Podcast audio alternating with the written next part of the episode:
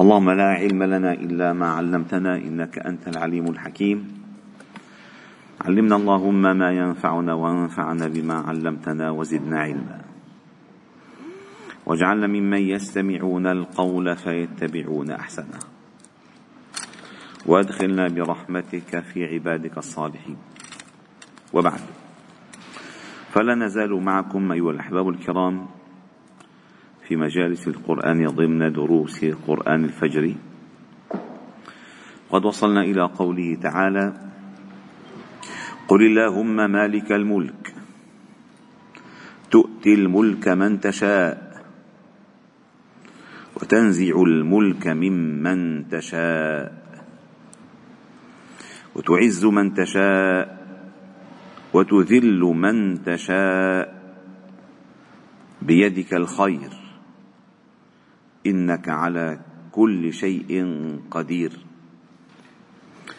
تولج الليل في النهار وتولج النهار في الليل وتخرج الحي من الميت وتخرج الميت من الحي وترزق من تشاء بغير حساب. أتت هاتان الآيتان في وسط المحاججة وكشف بهتان ووهن حجج أهل الكتاب وتثبيتا لريادة هذه الأمة على أمة أهل الكتاب. اولا الله جل جلاله هو ليس فقط مالك بل هو يملك الملك. ومعنى مالك الملك أي أنت لا تملك شيئا. لا يملك أحد شيئا. قد تكون مالكا ولكن لا يمكن أن تكون ملكا. لأن الإنسان قد يملك سيارة ويقال هذا مالك السيارة. شقة مالك الشقة فأنت تملك الأشياء. أما أن تملك الملك هذا لله وحده. فما أنت تملكه الله تعالى أعطاك إياه. أي هو الله ملكك إياه. ملكك أي استخلفك أي يسر لك أي أعطاك أي آتاك. فلذلك الله تعالى عندما طلب من عباده النفقة قال أنفقوا مما رزقناكم وآتوهم من مال الله الذي آتاكم مما آتاكم أنفقوا مما جعلكم مستخلفين فيه وتركتم ما خولناكم وراء ظهوركم أنتم لا تملكون هذه عاريات بين أيديكم فعندما يتوجه الإنسان إلى الله جل جلاله. بهذا الدعاء الذي أتى كأنه ديباجه كأنه بطاقة صعود إلى الملكوت. وتلقين ما قال إن الله مالك إن الله مالك الملك. قال قل اللهم مالك الملك. قل اللهم مالك الملك. أي تلقين تلقين وتعليم. لأن أهل الكتاب يظنون أن القضية عندهم وانتهى كل شيء خصوصا اليهود. اليهود كانوا يظنون أن النبوة لن تخرج من بني إسحاق ولا من بني إسرائيل. هكذا يظنون. فأتت النبوة إلى بني إسماعيل. إلى العرب. فحسدوا العرب على ذلك. وهم يعلمون أن النبي صلى الله عليه وسلم نبي مرسل. ويعرفونه كما يعرفون أبناءهم. ولكن ما قبلوا. كما ذكر الله تعالى في سورة البقرة. وقال لهم نبيهم إن الله قد بعث لكم طالوت ملكا. قالوا أن يكون له الملك علينا ونحن أحق بالملك منه. ولم يؤت سعة من المال. قال إن الله اصطفاه عليكم وزاده بسطة في العلم والجسم والله يؤتي ملكه من يشاء والله واسع عليم. فما دمت أنت تتعلم أن تناجي ربك بأنه هو مالك الملك. مالك الملك. فاذا هو يؤتي ملكه من يشاء وهو ينزع ملكه ممن يشاء. ومن جميل لفت النظر إلى في ذلك إلى أن الفاتحة التي نفتتح بها صلاتنا أتى في ثالث آية منها مالك يوم الدين. مالك يوم الدين. وفي قراءة أخرى ملك يوم الدين. ومالك وملك نفس المعنى. ولكن عندما يكون الملك ليوم الدين لأن لمن الملك اليوم؟ لله الواحد القهار يوم لا تملك نفس لنفس شيئا والأمر يومئذ لله. فإذا كان الملك الذي تعبده وتناجيه يملك يوم الدين فمن باب أولى أنه يملك يوم الدنيا. فأنت عندما تقول قل اللهم مالك الملك يعني ناجيت ربك بما له من الملكوت لأنه بيده فسبحان الذي بيده ملكوت كل شيء وإليه ترجعون.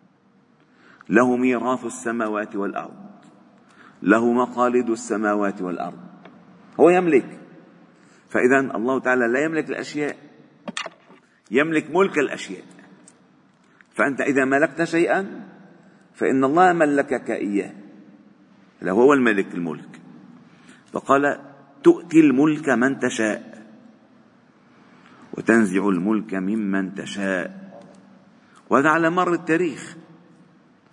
ترى الله تعالى يرفع قوما يضع آخرين.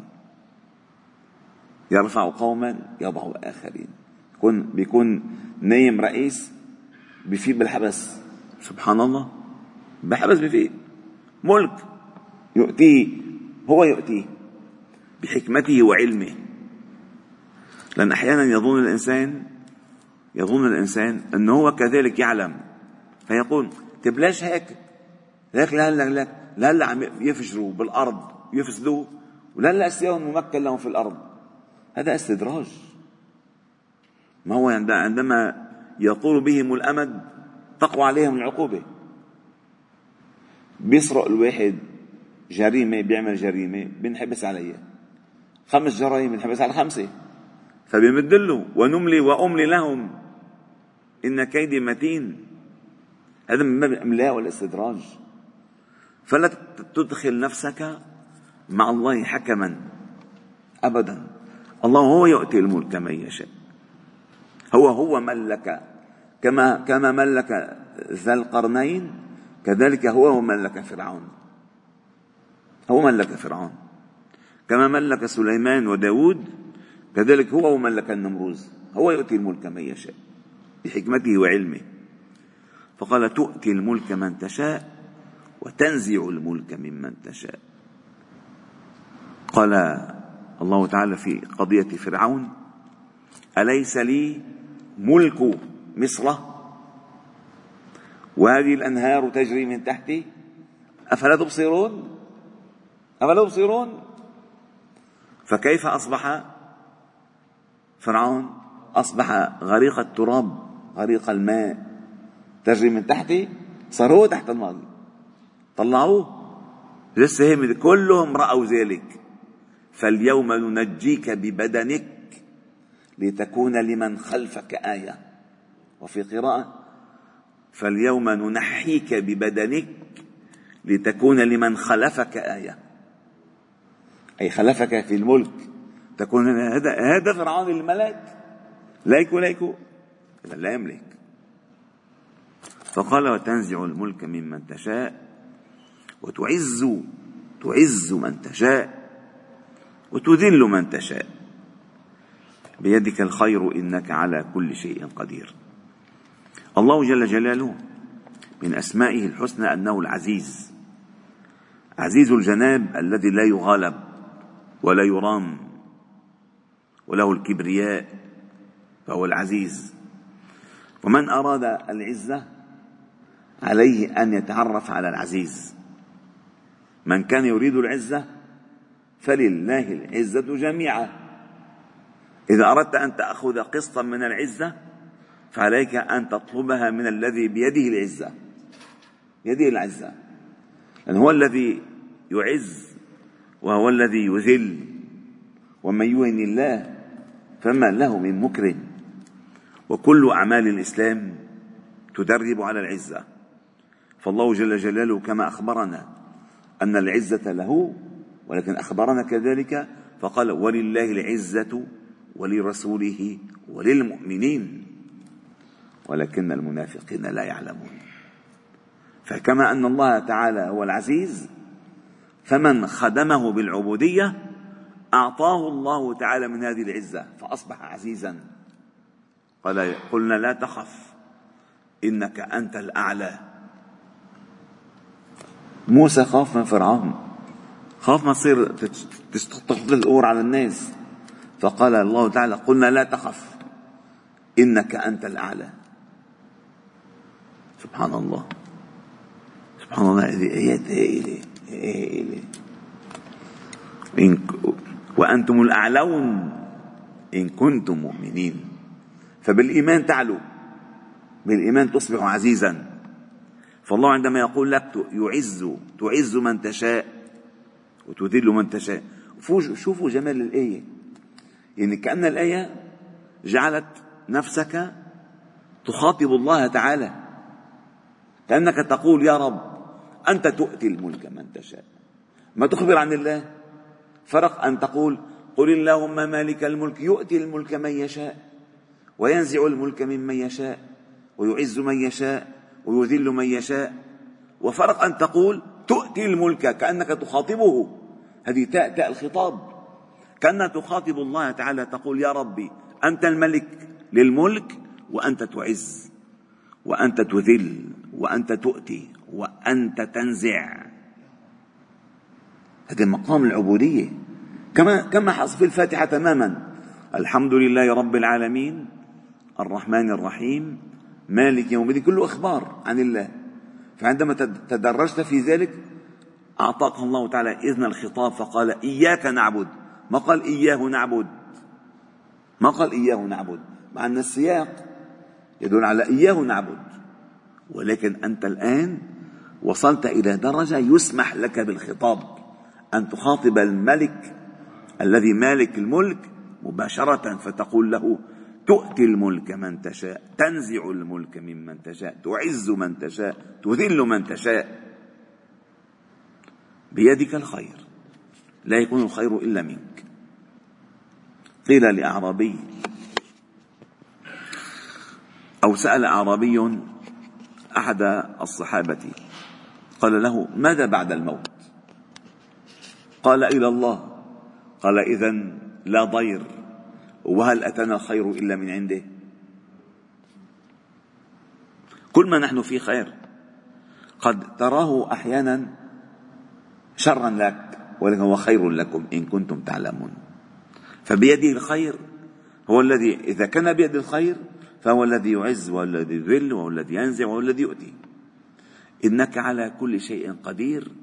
ثم انتقلت الآية إلى معنى آخر. من التعريف بالله تعالى بحركة الكون. تولج الليل في النهار وتولج النار في الليل وتخرج الحي من الميت وتخرج الميت من الحي وترزق من تشاء بغير حساب.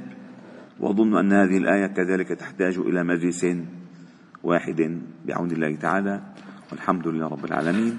سبحانك وبحمدك نشهد أن لا إله إلا أنت. نستغفرك ونتوب إليك. وصل وسلم وبارك على محمد وعلى آله وأصحابه أجمعين. والحمد لله رب العالمين.